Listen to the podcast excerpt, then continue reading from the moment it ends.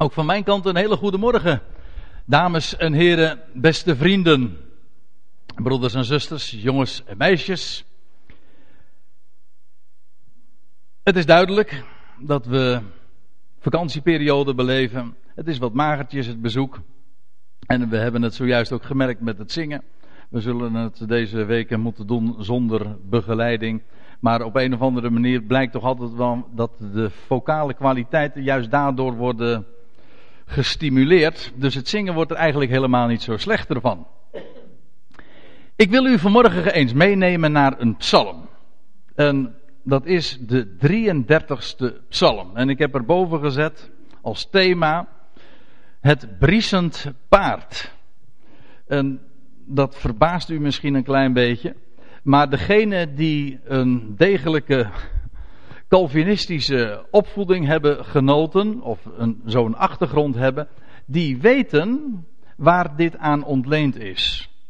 Het briesend paard. Want in de reformatorische kerken worden, wordt de, worden de psalmen altijd gezongen. En zoals ik zelf uh, een christelijk gereformeerde achtergrond heb, wij, wij, wij zongen altijd uit de oude beruim, berijming. En daar had je een, een couplet in die 33ste psalm, vers 9. Het briesend paard moet eindelijk sneven. Het is echt heel oud Nederlands taalgebruik, want het briesend paard, kunt u het zich voorstellen?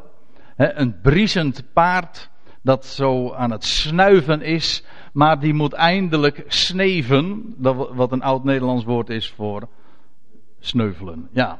Hoe snel het draaf in het oorlogsveld. Het kan niemand de overwinning geven. Zo'n majestueus paard. Die zeker in, in, in vroegere tijden werd eh, aangewend om, om in de strijd hun aandeel te leveren. Wel, zelfs die sterke paarden, die briesende paarden, die moeten dan toch uiteindelijk het, ja, het veld ruimen. Ja. Die komen om. Hoe snel het draaf in het oorlogsveld kan niemand de overwinning geven. Zijn grote kracht baat geen held. Nee, de Heer der Heren doet ons triomferen. En wat verder volgt. Het is, het is wat oud-Nederlands, daar moet je dan doorheen kunnen prikken. Maar het is een mooi lied. Het is een heel mooi lied. En de straks, na de, nadat ik hier het een en ander eh, over heb verteld. Zingen we trouwens ook een, vrij ongebruikelijk, uit, een, uit deze 33ste psalm. Alleen dan de nieuwe berijming. En ik hoop dat dat allemaal goed zal gaan in verband met het zingen, want we kennen die melodieën natuurlijk niet zo heel erg goed. Maar het Briesend Paard, ik ken het trouwens van nog iets, want misschien kent u dit boek wel. Het Briesend Paard van Rien Poortvliet. De man leeft al niet meer, maar was een geweldig kunstenaar als u het mij vraagt. Hij werd door de elite meestal wat verguisd, maar uh, geweldig zoals hij kon tekenen. Maar ik heb van hem het verhaal gelezen dat hij Vroeger, toen hij in de kerk zat, dan kon de dominee hem geen groter dienst bewijzen dan Psalm 33, vers 9 in de oude berijming op te geven. En dan was zijn hele zondag weer goed. En dan, dan, dan zag hij dat in geuren en kleuren voor zich. Zo'n briesend paard. En hij, hij, zat daar, terwijl de, de pepermuntjes werden uitgedeeld. Hij zat nog steeds met dat briesend paard in zijn hoofd. En als, als de kerkgangers allemaal weer weg uh, huiswaarts waren gegaan, dan zat hij nog steeds met dat briesend paard in zijn hoofd. En dan kwam hij thuis en dan ging hij tekenen. En jaren, tientallen jaren later heeft hij een boek met allemaal paarden getekend. En dat heeft hij deze titel gegeven: Het briesend paard. Ja. Nou, vandaar dus deze, aan, vandaar dus, uh, deze titel. Ik had het over Psalm 33. In Psalm 33 gaat ook inderdaad over het fenomeen, de de universele, de, ik mag wel zeggen de alomtegenwoordige bijbelse waarheid, dat menselijke kracht, daar waar een mens tegen opziet en tegen aankijkt en, en hoge, veel verduzie van heeft, wel, voor God is het allemaal zo betrekkelijk en het stelt voor hem niks voor. Het gaat namelijk maar om één iemand die werkelijk bij macht is kracht te geven. Dat wat indruk maakt bij de mens, dat zal uiteindelijk toch ter ziele gaan. Er is er slechts één die blijvend is. En van wie een mens het werkelijk moet en mag en kan verwachten. Nou, dat is waar eigenlijk Psalm 33 over gaat. Maar ik stel voor dat we die psalm zo toch eens in dit uur uh, doorlopen. Het zijn 22 versen. En soms ga ik er wat snel doorheen. Maar laten we dat eens bezien. Jubelt gij, zo begint het. Jubelt gij rechtvaardige in de Here. In Yahweh, daar hadden we het de vorige keer over. Dat is die naam die gebruikt wordt. En als er, als er staat, gij rechtvaardige, wat betekent dat in de Bijbel? Wel, in de Bijbel betekent dat gewoon gij gelovigen. Dat zijn niet mensen die netjes leven of mensen die aan een bepaalde normen voldoen. Nee, dat zijn mensen die zoals ooit Abraham dat deed, God geloofde. En wat staat er dan van deze Abraham? Abraham geloofde God. Dat wil zeggen, hij zei amen op wat God had beloofd. En, en dan lees je, en God rekende het hem tot gerechtigheid. En vervolgens in de hele Bijbel is dat de wijze waarop God ook rekent. Een rechtvaardige, dat is iemand die God vertrouwt. Amen zegt op zijn belofte. Heeft niets met prestaties van onze kant te maken, maar alles te maken met zijn belofte. En daarom heeft een, zo'n rechtvaardige ook alle reden om te jubelen. Waarom? Wel, het gaat om hem. En hij staat garant, zoals zojuist al gezegd is, voor de goede uitkomst. En voor de goede afloop. En voor het feit dat alles in goede handen is. En dat zijn weg ook de beste is altijd. En daarom staat er, jubelt gij rechtvaardige in Yahweh.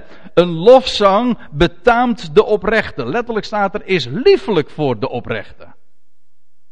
Vind ik trouwens nog mooier.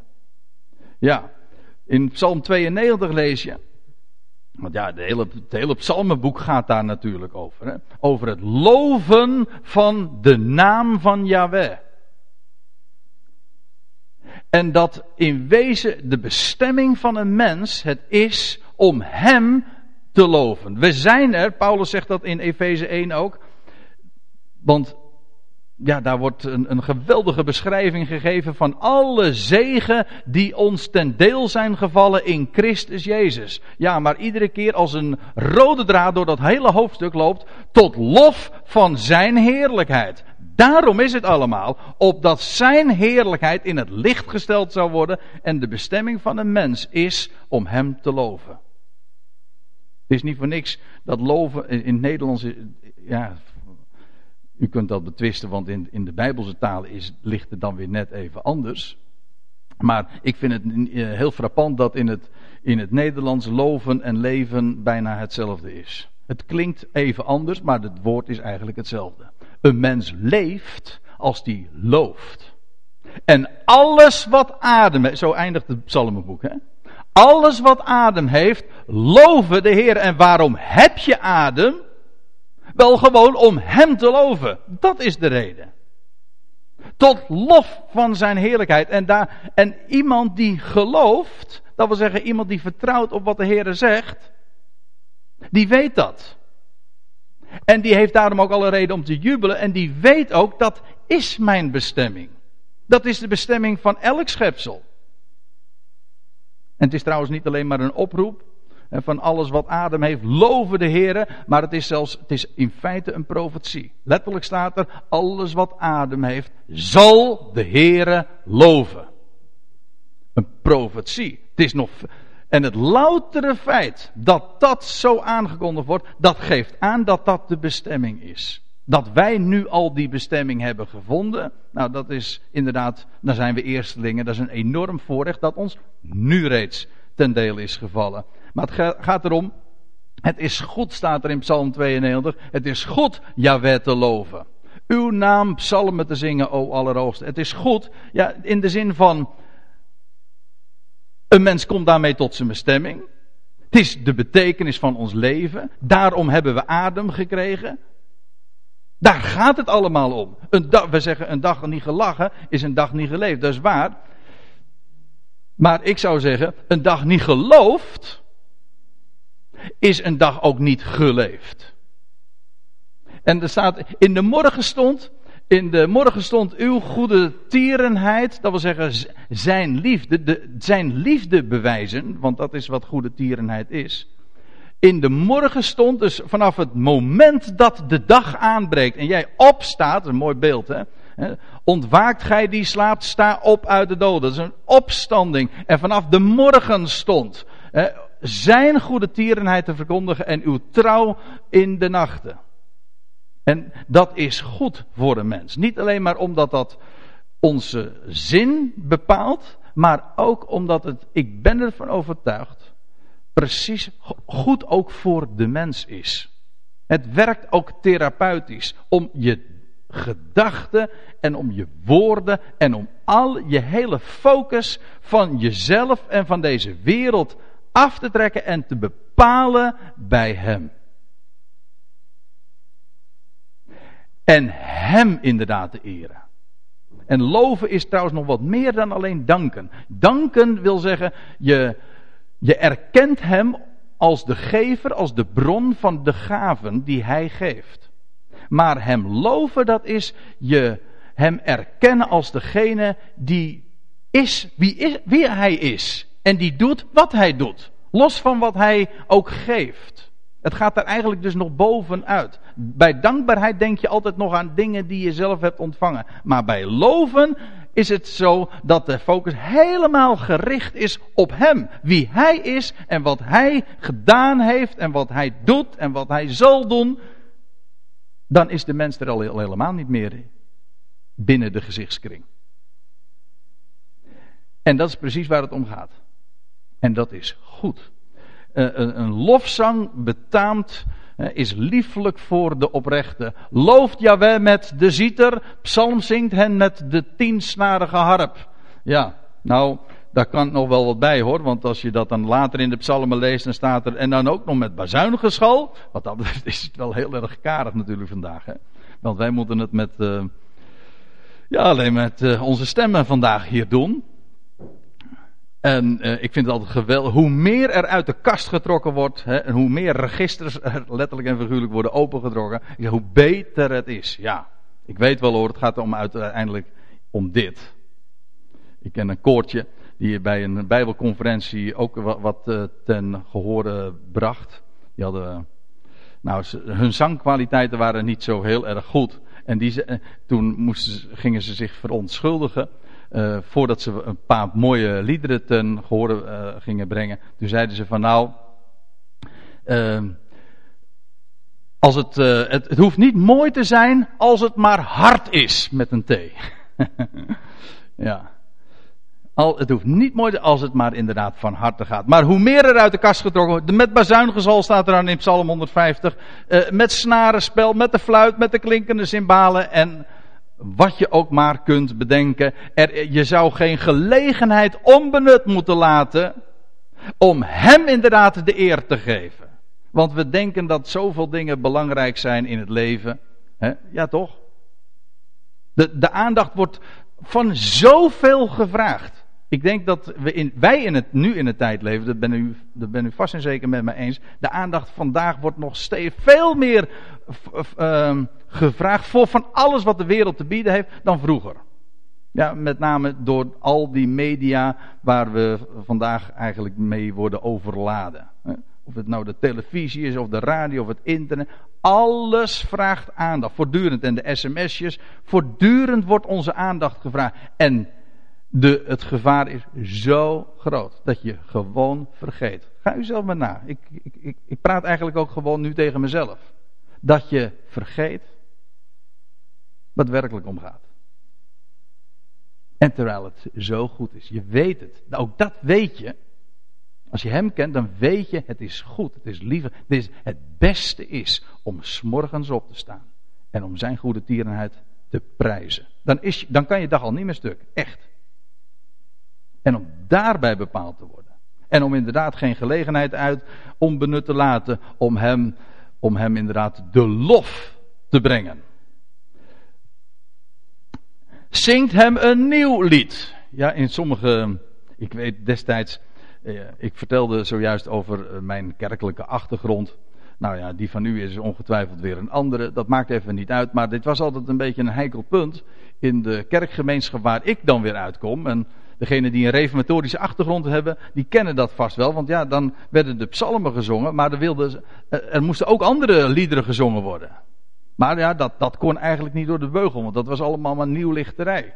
Maar het gekke is, die, die, diezelfde psalmen, die zeggen ook inderdaad dat de Heer een nieuw lied gezongen wenst te worden. Hè. Zingt hem een nieuw lied. En dat staat tot, uh, tot zes keer toe in het psalmenboek. In totaal in de zeven keer in de Bijbel. Zingt hem een nieuw lied. Weet u waarom iedere keer een nieuw lied? Omdat er telkens weer nieuwe aanleidingen zijn om hem weer opnieuw te loven. Op een nieuwe wijze te loven. Omdat hij telkens weer nieuwe daden verricht. Een nieuwe wegen inslaat. En, en daarom zou hij ook geloofd worden. Zingt hem telkens dus weer ook een nieuw lied. Vernieuw dat. Telkens is, is er weer nieuwe aanleiding om hem opnieuw en op een nieuwe wijze de eer te geven die hem toekomt. Speelt schoon, staat er dan op de snaren onder geschal. Dat is, dat is geschal, hè? Geschal onder gejuich. En als u de Statenvertaling leest, dan staat er speelt wel, speelt schoon, speelt goed, staat er eigenlijk, met vrolijk geschal. Vind ik nog mooier. Met vrolijk geschal. Want we hadden het net over de betekenis van ons leven. Een dag niet, een dag niet eh, geloofd is een dag niet geleefd. Maar weet u wat het is? Juist dat loven, eh, dat je aandacht geven aan Hem en wie Hij is, dat bevrijdt van alle last en zorgen waar een mens zo vaak weer gewoon s morgens mee opstaat, weet je wel. Je hebt het, je hebt het de avond ervoor heb je het eh, op je nachtkastje bij wijze van spreken gelegd. En s morgen sta je weer op en je pakt het allemaal weer op. Ja, totdat je inderdaad in de morgen stond. Hem gaat loven en weet, hij gaat het maken. Als je die vrijheid kent, als je weet wie hij is en wat hij geeft, en wat hij van jouw leven bij machten is te maken, ja, dat, is, dat geeft reden tot vrolijkheid tot vreugde. Ik vind het zo mooi dat dat in het boek de Psalmen zo vaak eh, weer, weer klinkt. Die vrolijkheid. Zingt vrolijk hem, uh, psalm, hoe staat het in psalm 146 ook alweer? Over Jacobs God. Zingt hem vrolijk ter eer. Het is niet zo gek hoor, dat uh, ook de apostel Paulus spreekt over je ten alle tijden te verblijden in hem. Want daar waar hij in het oog komt, daar is, er, daar is vreugde. Kan niet missen. Oké. Speelt wel met vrolijk geschal. Want staat er dan in vers 4: Jawes woord is waarachtig. Letterlijk staat er: is recht. Dat wil zeggen, hij doet wat hij zegt. Er zit een rechte lijn tussen dat wat hij verklaart en wat er ook gebeurt. Zijn woord is recht en al zijn werk geschiet in trouw. Hij is betrouwbaar. Hij is solide. Van hem kun je op aan. Dat is de reden. Onder andere, want er volgen er nog veel meer in deze psalm. Maar dat is de reden waarom hij inderdaad bejubeld en geloofd kan worden. En hem de eer toegebracht wordt. Je zou daar voortdurend je aandacht aan moeten geven. Aan dat loutere feit. Zijn woord is recht. Zijn werk geschiet in trouw. En er staat erbij, hij heeft gerechtigheid. Maar we hadden het er al even over wat God tot gerechtigheid rekent. Hij heeft gerechtigheid en recht lief. Als u de Statenvertaling, als ik me niet vergis, lees. Maar dat weet ik even nu niet zeker. Maar in elk geval, er staat niet dat woordje recht, maar gericht. Hij heeft gerechtigheid. Hoe staat het in de Statenvertaling?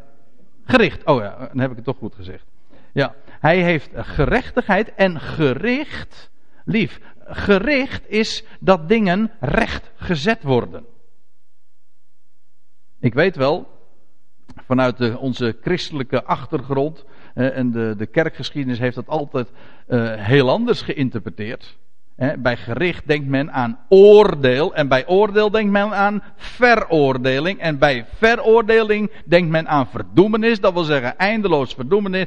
Eindeloze verdoemenis en veroordeling. En dat komt never nooit meer goed. Dat, is, dat, is, dat zijn de associaties die meekomen met onze, onze achtergrond. Met ja, de wijze waardoor we, ja, misschien wat onvriendelijk gezegd, gehersenspoeld zijn. Maar wij denken dan meteen aan veroordeling en verdoemenis. Maar in de Bijbel is gericht recht zetten. Dat kan pijnlijk zijn. Om dingen recht te zetten. Moet je maar zeggen. Als dat, dat, dat is wat in het ziekenhuis ook zo dikwijls gebeurt. Hè? Wat een chirurg doet, dingen recht zetten. Ja, maar dat kan buitengewoon pijnlijk zijn. Jawel, maar het heeft een positief doel. Het is juist, hij doet recht en hij zet ook recht. Gericht is niet, staat niet tegenover Gods liefde. Nee, het is een uiting daarvan. Hij zet recht en, ik zal er nog iets bij zeggen, hij brengt ook terecht. Dat heeft allemaal te maken met zijn gerechtigheid die hij lief heeft. En hij heeft gericht lief. En staat erbij, de aarde is vol van de goede tierenheid van Yahweh. Dit is trouwens profetisch hoor. Want weet u, als God, nu zwijgt hij. Hij laat zich niet zien. We hadden het, eh, of uh, zojuist had uh, Dirk het er al over. God bewijst zich nu niet. Hij gaat zich straks bewijzen. Nu bewijst hij zich niet. En wij moeten het hebben van geloof. Vertrouwen. Blind vertrouwen. Hij heeft zijn woord gesproken en straks gaat hij het ook bewijzen. Maar straks gaat hij ook recht doen. En gaat hij zich ook vertonen en gaat hij ook gericht oefenen. Dat wil zeggen, hij gaat. En weet je, er staat in de psalmen. In psalmen, uh, nee, niet in de psalmen. In, ja, ook wel in de psalmen, maar in Jesaja 26. Wanneer, dat is een heel mooi vers. Jesaja 26, vers 9. Wanneer uw gerichten op de aarde zijn, leren de inwoners van de wereld gerechtigheid. Dan er komt, deze wereld wordt vergeven van onrecht. En van leugen en van bedrog. Ik bedoel, we lezen niet voor niks dat dit de, dat dit de boze aion is waar we ons nu in bevinden. De boze eeuw. Waarin de God van deze aion de, de zinnen verblindt. En waarin de leugen regeert. Dat is de tegenwoordige aion. Maar straks gaat hij zich bewijzen en dan zal hij recht gaan doen. Gaat hij de dingen recht zetten en gericht oefenen. En dan wanneer de gerichten op de aarde zijn, en dat zal buitengewoon hardhandig allemaal gaan hoor.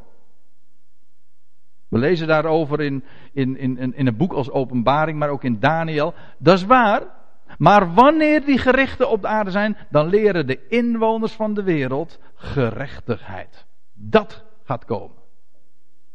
En dan hebben we het nog maar over de, de toekomende aion, wat er gaat, gaat, gaat gebeuren. Maar uiteindelijk is dat het lot van, van deze hele schepping, wat, wat God voornemens is. Ik kom daar straks nog even op terug, want uh, er staat in vers 6, ik lees, ik, ik, ja ik moet verder gaan natuurlijk. Door het woord van Yahweh zijn de hemelen gemaakt en door de adem van zijn mond al hun Heer, dat wil zeggen al hun bewoners van, die, van, van dat hemelruim en al die, die miljarden sterren, wel hij is de formeerder daarvan. Hij, door, en door zijn woord is het gemaakt. Hè? Dus, dat, dat komt ook perfect overeen met wat we al in Genesis 1 lezen. Daar staat, en God zeide dat er licht zijn aan het uitspansel des hemels. En dan even later staat er, en het was al zo. Want God spreekt, en het is er. Alle dingen zijn door het woord geworden, zegt Johannes 1. En zonder dat is geen ding geworden dat geworden is. Dat is een wat moeilijke zin, maar betekent toch gewoon zo dat God zijn dat Gods woord ook daad is. In het Hebreeuws zijn dat zelfs die, die twee begrippen, woord en daad, is het zelfs één. Het Hebreeuws kent daar maar één woord voor. Het woord dabar betekent woord, maar ook daad. Wel, dat, is, dat drukt een hele fundamentele waarheid uit, namelijk dat God, dat God spreken tevens actie is. Zijn woord is daad tegelijk. Ja.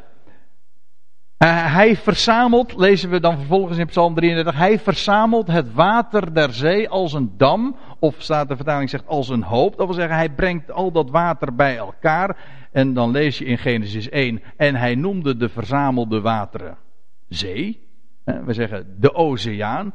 Alles in, in grote bekkens uh, is dat water verzameld en hij legt watervloeden in schatkamers op. Maar let eventjes op dat eerste.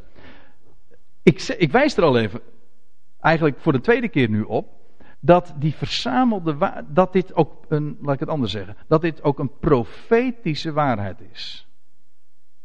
Natuurlijk kun je zeggen van dit heeft te maken met het feit dat God de oceanen gecreëerd en geformeerd heeft. Dat is waar, maar in de Bijbel is de zee ook een beeld van de volkerenwereld. Vandaar ook dat wij spreken over de volkerenzee.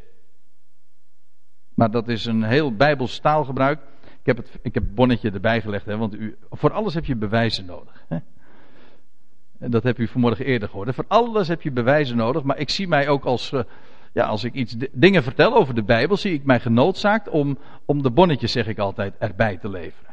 Als ik iets beweer, dan moet ik dat ook kunnen, kunnen staven, zodat u kunt checken of het waar is wat ik gezegd heb. Ik bedoel, ik ben er eigenlijk op uit dat u, zoals de Bereërs dat ooit deden, gewoon bereidwillig aanhoort wat ik nu zeg.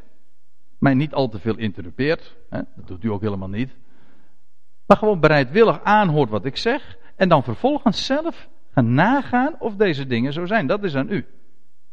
Of het waar is wat ik zeg, dat mag u beoordelen. Nou, daarom zeg je, heb ik er even bij. In openbaring 17 vers 15 staat dat er ook bij. Hè? Die, de wateren, de zeeën zijn een beeld van, zijn een beeld van de volkerenwereld. En dat vind ik wel op, opmerkelijk, want juist deze psalm ziet ook op, op de toekomst. Wanneer de gerichten op de aarde zijn en waardoor ook, we laten het, even wachten hoor. De aarde vol zal worden van de goede tierenheid van Yahweh. Het is een profetische waarheid. Maar dan als hier staat van hij verzamelt het water der zee, ja dat heeft ook te maken met wat er in de toekomst gaat gebeuren. Dat God inderdaad de volkeren bij elkaar gaat brengen. Hij zal alle volkeren verzamelen bijeen. Weet u waar hij dat doet? Juist, in het Midden-Oosten. Meer speciaal dan in dat kleine landje Israël gaat hij de volkeren bij elkaar brengen. Zij hebben daar hun eigen ideeën over, maar God verzamelt ze als schoven, staat er elders, als schoven op de dorsvloer.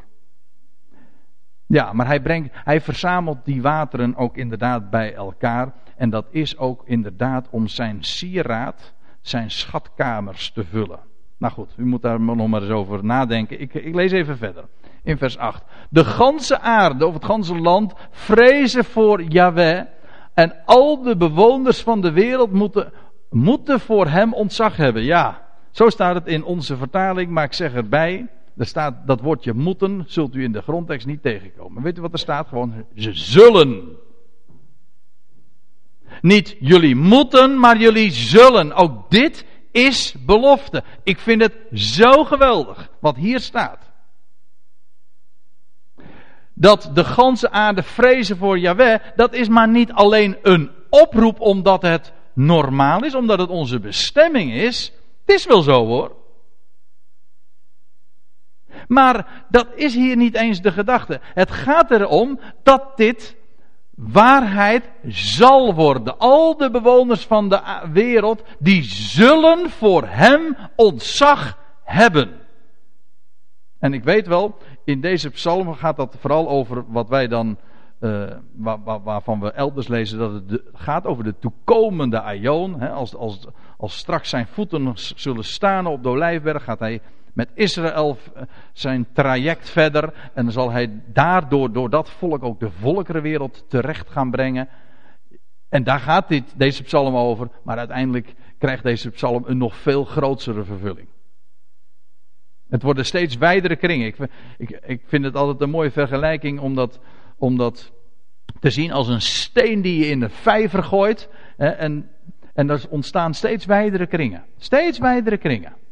om die, om, die, om die ene steen die in dat water is gegooid. Nou, die, die ene steen die in het water is gegooid, dat is in dit geval, die steen dat is inderdaad de Heer Jezus Christus.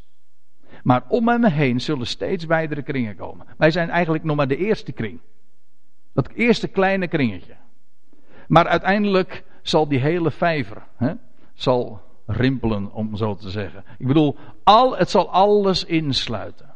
Kijk, dat is Gods raadsbesluit. Die zal bestaan. Alle bewoners van de wereld zullen voor hem ontzag hebben. Want staat er, hij sprak en het was er. En hij gebood en het stond er.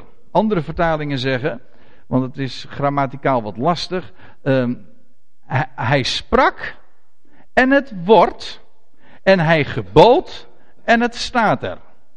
Het hele idee is, dat zie je, zonder u nou te belasten met allerlei grammaticale bijzonderheden. Maar het, ene, het idee is, de ene is, als er staat, hij sprak, hij heeft gesproken, is, dat is het idee. Hij sprak één keer en het staat er, of het wordt er. En, of het wordt. En hij gebood, of hij heeft geboden, hij gebiedt één keer en dan staat het er ook. Dat is Gods woord.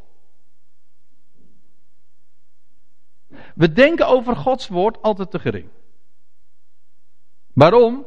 Omdat zijn woord recht is, maar zijn woord is ook daad. Daarom is het enige wat in ons leven van belang is, niet dat we ons best doen, daar gaat het niet om. Dat denken wij. Dat past natuurlijk ook helemaal in het verhaal van ja, dat we, ja, zoals je dat in de wereld altijd maar hoort, waarbij mensen geactiveerd moeten worden en dat heeft allemaal zo zijn plek, maar in de Bijbel gaat het puur om Hem en om Zijn woord. En in de Bijbel zegt dat het helemaal, dat, kijk wij denken, laat ik het anders zeggen, wij denken dat veel dingen van belang zijn. En er moet zoveel gedaan worden hier en er moet zoveel gedaan worden daar. En dit is nog zo belangrijk. En ik ken iemand die dat ook dacht, maar die werd tot de orde geroepen. En ik ken ook iemand die het had begrepen. En u weet misschien nu wel waar ik aan denk. Ja, Maria en Martha. Marie, wat, weet, weet u wat Maria deed? Maria luisterde gewoon aan de voeten van de Heer. En ze luisterde naar wat hij te zeggen had. Naar zijn woord. En dan zegt de Heer Jezus dat ook tegen Martha, die ook dacht van ja, er moet nog zoveel gedaan worden. En vele dingen. Hoe, hoe, hoe zegt hij het precies? Uh, gij maakt u bezorgd, ja, gij maakt u bezorgd om vele dingen. Maar één ding is slechts nodig. Eén ding. Wij denken dat de Heer dan overdrijft. Dat komt omdat wij in wezen weer met Martha's oren zitten te luisteren. Nee, hij overdrijft niet. Het is namelijk de waarheid. Eén ding is slechts nodig. En Maria had het goede deel gekozen. Dat woord doet namelijk zelf zijn werk. Daarom is er ook niets van, er is niets wat groter belang heeft in ons leven dan dat we amen zeggen op zijn belofte. En daar elke dag op te staan en om hem daarvoor de eer te geven. En u zegt, ja en dat, al dat andere. Nou weet u wat, eh, wat de Bijbel zegt over al het andere? Dat zal u bovendien geschonken worden. En ik hoor al mensen denken. En ik hoor de tegenwerping. Ja, ja, ja, dat is maar makkelijk. Of denkt niemand dat? Maar dit is wat de Bijbel erover zegt. En daarom is de Bijbel zo'n bevrijdende boodschap. Ja. Zijn woord. Ik, ik lees verder. Vers 10 van, je, van Psalm 33. Jawel, want ik heb staat in onze vertaling natuurlijk iedere keer de naam des Heren.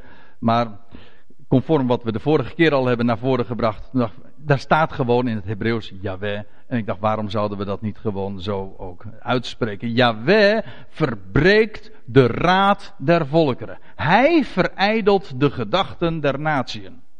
En het is misschien niet zo netjes als ik dan dat teken van de, dat symbool, dat embleem van de Verenigde Naties eronder plaats. Maar het is eigenlijk precies wat, waar het hier over gaat hoor. Want ja, wat, wat hier staat, dat vind je op zoveel andere plaatsen terug. Ook al in het boek van de Psalmen. Daar staat in Psalm 2. Waarom woelen de natieën en waarom zinnen de, de volkeren op ijdelheid? En dat ze, dan lees je dat ze zich ook in slagorde stellen tegen de Here en zijn Mashiach, zijn gezalfde staat er dan. Komt, laat ons zijn banden, laat ons hun banden uh, van ons afwerpen. Ik weet niet exact hoe het er uh, precies staat, u moet het maar nalezen in Psalm 2. En weet u wat dan de Heer zegt? De Heer, er staat erbij, die in de hemel zetelt, die lacht. Ik denk dat daarboven nog zoveel, ik weet wel zeker, daar wordt zoveel gelachen. En weet u waarom ik, het zo belangrijk vind om het woord ook tot je te nemen? Omdat je nou ook leert lachen namelijk. Dan leer je het namelijk vanuit zijn standpunt te bekijken. Want we denken zo hoog over wat de wereld besloten heeft. Of wat de Verenigde Naties van zin zijn. Of wat, wat machtige leiders allemaal op papier zetten. Aan contracten ondertekenen. Aan verdragen overeenkomen. Al dat soort. De Heer, er staat. Jaweh verbreekt gewoon de raad van de volkeren. Weet je waarom? Hij heeft namelijk andere plannen. En hij trekt zijn plan. En daarbij is hij volstrekt onafhankelijk van wat men, al die miljarden mensen met al hun krachten en waar ze toe in staat zijn, hij, hij verijdelt het. Hij verijdelen betekent gewoon, hij maakt het tot niks. Het is, stelt echt helemaal niks voor. Weet je, er is ook zo'n zo'n zo'n profeet die daar zo machtig over kan schrijven. Jezaja, Jezaja 40. Zie, volkeren zijn geacht. Moet je, moet je even gewoon heel concreet voorstellen. Al die miljarden mensen. Zie, volkeren zijn geacht als een druppel aan de emmer. Als een stofje aan de weegschaal. En hij mat de hemelen met, met een span. Ik bedoel, dat machtige hemelruim. Het is tussen, tussen zijn pink en zijn, en zijn, zijn, zijn zijn duim, hij kan het allemaal zo, zo meten. Het is gewoon speelgoed. Jaweh verbreekt de raad van de volkeren, hij verijdelt de gedachten van de natie. Dat gaat, dat gaat hij straks ook bewijzen. Hè? Want ik eventjes weer die connectie met Psalm 2. Daar staat, dit, daar staat soortgelijke dingen, maar dat is profetie. Dat gaat over wat er binnenkort, want daar ga ik vanuit, dat kan niet lang meer duren binnenkort gaat gebeuren en als einde van deze tegenwoordige aion. Dan gaat God ingrijpen en dan gaan zijn gerichten komen. Dan gaat hij recht zetten. En de raad van Yahweh houdt eeuwig stand. Dat wil zeggen, hij houdt stand voor de aionen, voor de eeuwen. En de gedachten van zijn harten, uh, zijn harten, dat wil zeggen van zijn hart, ook dit is, dan wel waar de nieuwe vertaling, hè, of de NBG, maar ook dat is een beetje oud-Nederlands. Maar de gedachten van zijn hart, wel die duren van generatie op generatie. Dat trotseert de tijd, heeft niks te maken met, met, met opwellingen en met, met, met, met mode of zo. Of hoe noemen we dat? Hypes? Wel nee, God heeft zijn plan. En dat wat een mens bedenkt, dat verijdelt hij vol, voorkomen, daar gaat hij aan voorbij. Zijn raad, zijn plannen, die zullen bestaan. Dat staat er ook, hè? Eh, als er staat in Psalm 2 van de Heere lacht, die in de hemel zetelt, lacht en de Heere spot met hen. En er staat erbij, ik toch heb mijn koning gesteld over mijn heilige berg, over de berg Sion.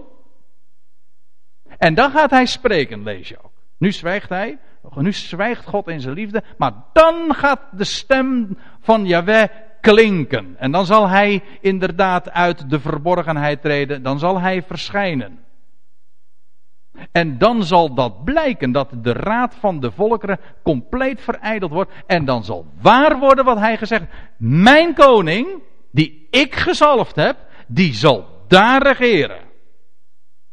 En niet vanuit New York, vanuit het hoofdgebouw van de Verenigde Naties zal de wereld geregeerd worden, maar vanuit Jeruzalem. Dat is, dat is de stad van de grote koning, ja. Afijn. Ja, ik vind het geweldig om daaraan te denken. Dat is de God van de Bijbel. Dat is de God die deze schepping gemaakt, maar dat is de God ook die gesproken heeft.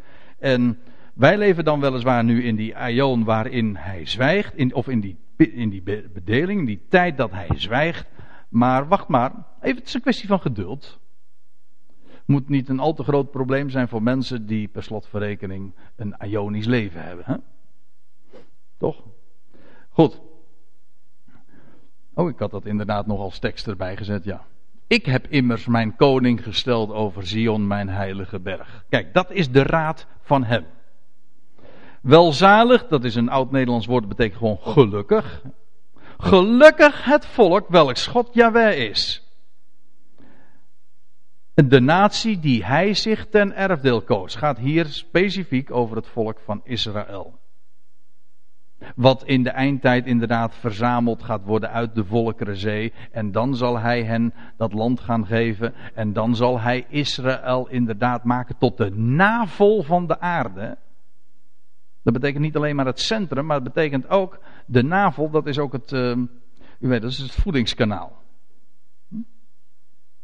Wel, door via het land Israëls gaat hij de wereld inderdaad van voedsel voorzien. Ja, ik bedoel, niet in de eerste plaats letterlijk, maar ook eh, geestelijk. Des Heren woord, staat er in, in, Jezaja 2.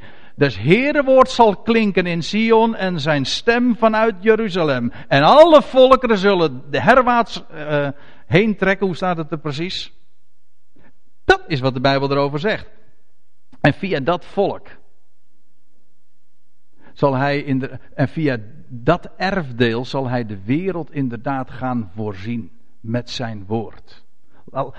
Dus dat volk, dat land lees je, daarvan lees je dat het is overvloeiende van melk en honing. Hè? Maar weet u dat melk en honing beide een type zijn van de schrift, van Gods woord? Misschien zelfs meer speciaal, maar dat zou ik moeten toelichten, van melk en vaste spijs.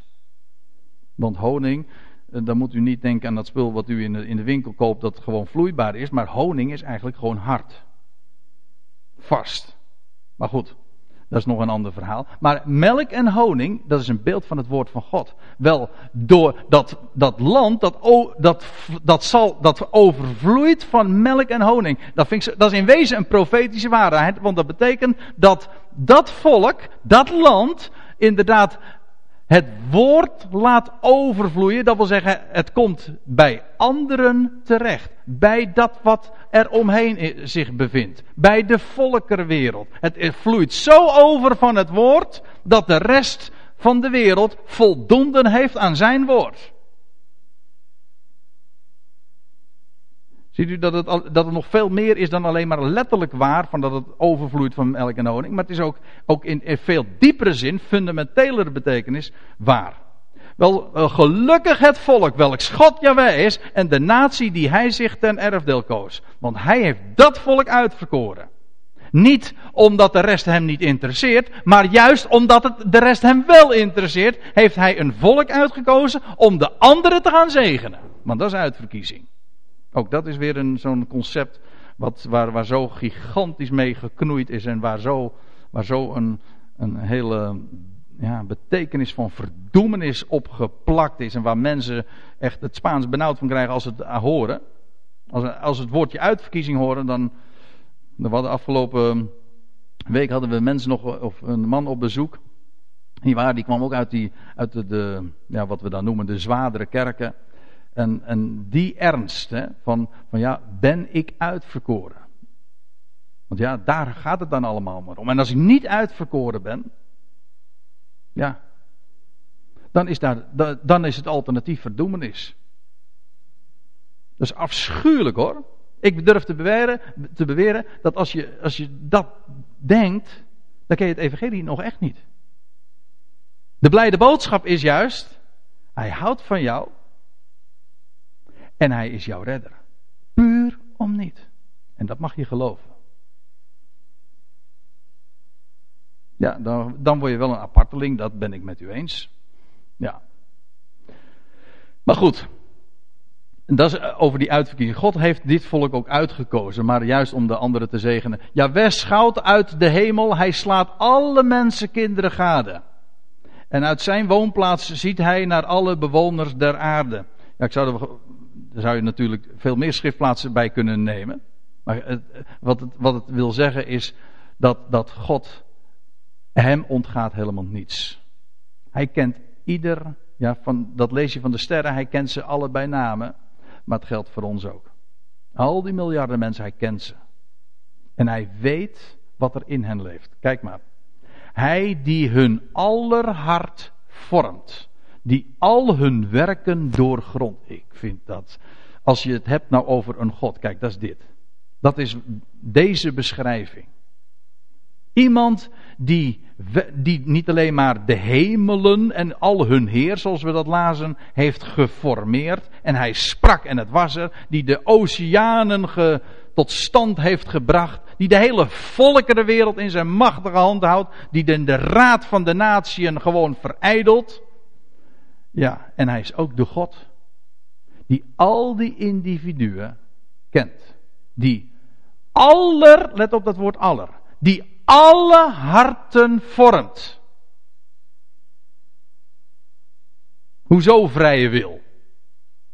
Hoezo het idee dat een mens zelf zijn keuze en zijn weg gaat? Weet u wat er in de psalmen staat? Of nee, in spreuk is dat.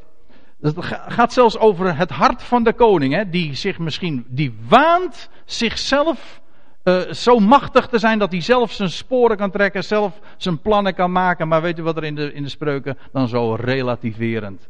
Ja, dat is ook humor, hè? Maar humor is relativering. Als je het gewoon in een groter, groter context plaatst, dan worden dingen ineens vaak zo belachelijk.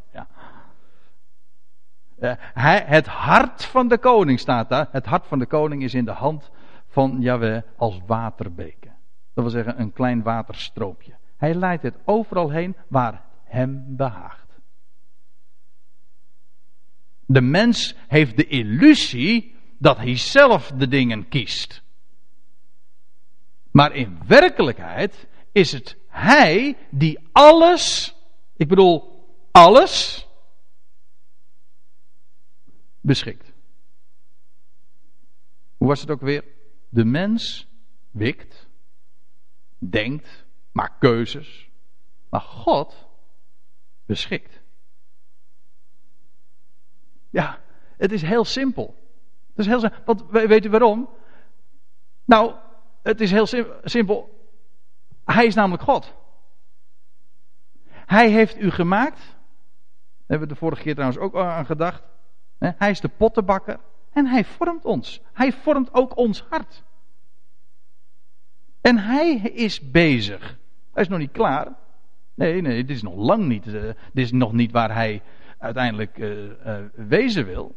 Maar hij is bezig. Hij, heeft ook de, hij neemt daar ook de tijd voor. Hij heeft een, hij heeft een, een tijdpad ook uitgezet. Een, een, plan der Ionen, zo heet dat in Efeze 3. Maar hij is daarmee bezig. Hij vormt de harten. En die, hij doorgrondt alles wat de mens denkt en uitwerkt. Hij, die al hun werken doorgrondt. En dan staat er. Geen koning wordt behouden door een machtig leger. En geen held wordt gered door geweldige kracht. Kijk, dit zijn nou precies de dingen die voor ons zo interessant zijn. De uiterlijke kracht en dat wat imponeert, kracht, militaire kracht. Hè? En ik, ik, denk eraan dat, dat uh, ja, toen deze psalm werd opgetekend door David. Dat, uh, ja, toen stelde militaire kracht allemaal nog niet zoveel voor. Dat wil zeggen, in onze ogen dan weer. Want ook dat is heel relatief natuurlijk. Ik bedoel, wij zijn, veel, wij zijn nu in, inmiddels zoveel intelligenter geworden en zoveel vernuftiger. Wij kunnen de wereld nu, en dat kon David nog niet, wij kunnen de wereld inmiddels al 50 of 60 keer vernietigen. Knap hè? Ja, zo, kijk, zo in die termen denkt de mens dan in van, van vernuft en hoe knap die eigenlijk is. Ja, maar in wezen alleen maar destructief. Maar goed, het gaat er even om, geen koning wordt behouden door een machtig leger. Als u niet geloven wilt, dan moet u dat maar eens een keertje aan die vader overvragen. Nou ja, hij zegt niet veel meer. Hè? Die ooit zo het volk van Israël achterna ging. Met al zijn paarden staat er, hè? Ja, ja. Een geweldig leger. Maar het kon hem niet redden. Nou, en ik geef dit voorbeeld, maar ik kan er nog wel eventjes mee doorgaan. De volgende keer gaan we het hebben, tenminste Deo Volente. Was dat, eh, dat is wat ik nu mij voorgenomen heb over 1 Kronieken 20. Over de geschiedenis van Jozefat. Dat is een apart verhaal zeg. Over het dal van de lofprijzing. Zie je exact hetzelfde. Een schitterend verhaal mensen. Dat bepaalt je echt bij wat, wat van belang is en wat telt. Geen koning wordt behouden door een machtig leger. Geen held wordt gered door geweldige kracht. Het paal, daar hebben we dat paard, dat briesen paard. Ja. Het paard faalt ter overwinning. Hoe, dan, hoe het ook majestueus zijn gang gaat en hoe het ingezet wordt en getraind is. Wel, uiteindelijk het faalt ter overwinning en het doet niet ontkomen door zijn geweldige sterkte. Ja, het komt met al, met al die machtige legers komen die paarden uh, kwamen ze om in de Rode Zee. Ik noem maar één voorbeeld. Zie, staat er dan in vers 18: Jawes oog is op hen die hem vrezen. En die op zijn goede tierenheid hopen. En al de rest, al het andere, de, de rest, is in wezen flauwekul. Dat waar een mens tegen opkijkt. En wat imponeert kracht, onze eigen kracht, militaire kracht, de, of, of politieke macht. Maar ook, ik bedoel, je kan het ook wat persoonlijker nemen. Daar waar een mens tegen opkijkt. Aan, aan, je, aan carrière, aan geld. Aan uiterlijke schoonheid. Al dat soort dingen. Wie is, er, wie is hier de dingen die ik nu noem, vooral het laatste? Wie is daar niet uh, op een of andere wijze gevoelig voor? En dan denk je soms oh, wat gebeuren er vreselijke dingen, of hoe, hoe kan dat? Of je, hebt, of je, je kijkt op tegen dat wat anderen bezitten. Maar weet u, als je het vanuit zijn standpunt beziet, telt het helemaal niet. Zie, ja, wes oog is op hen, op hen die hem vrezen. Dat wil zeggen, ontzag hebben voor hem. Reali vrezen, dat, daar zit inderdaad het woordje ja, niet van bang in, maar wel in elk geval voor dat diepe, diepe ontzag. Dat wij werkelijk een stofje zijn aan de weegschaal en dat Hij de grote God is die alles beschikt, voor wie ook niets te wonderlijk is. Want wij zeggen van, allerlei dingen, dat kan toch helemaal niet? Ja, uh, hoe praten we nou eigenlijk? Dat, als we zeggen van dat kan helemaal niet.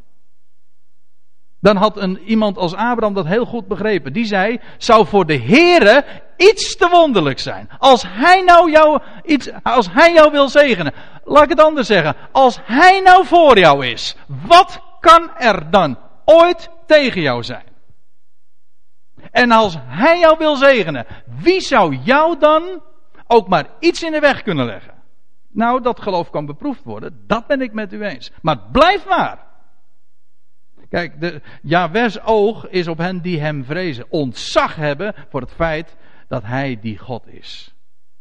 En die op zijn goede tierenheid hopen, want zijn goede tierenheid, dat houdt namelijk stand. Zijn liefde bewijzen. Want dat is precies wat hij doet en geeft. Zijn liefde namelijk om hun ziel, staat er, van de dood te redden en in het leven te houden in hongersnood. Ook dit gaat nog steeds eh, in, in, in dat meer profetische perspectief als God zijn volk gaat redden. Als het hem zal aanroepen, als de gerichten gaan over de aarde en dat volk van Israël ter erfdeel weer uh, gesteld zal worden te midden van de natieën.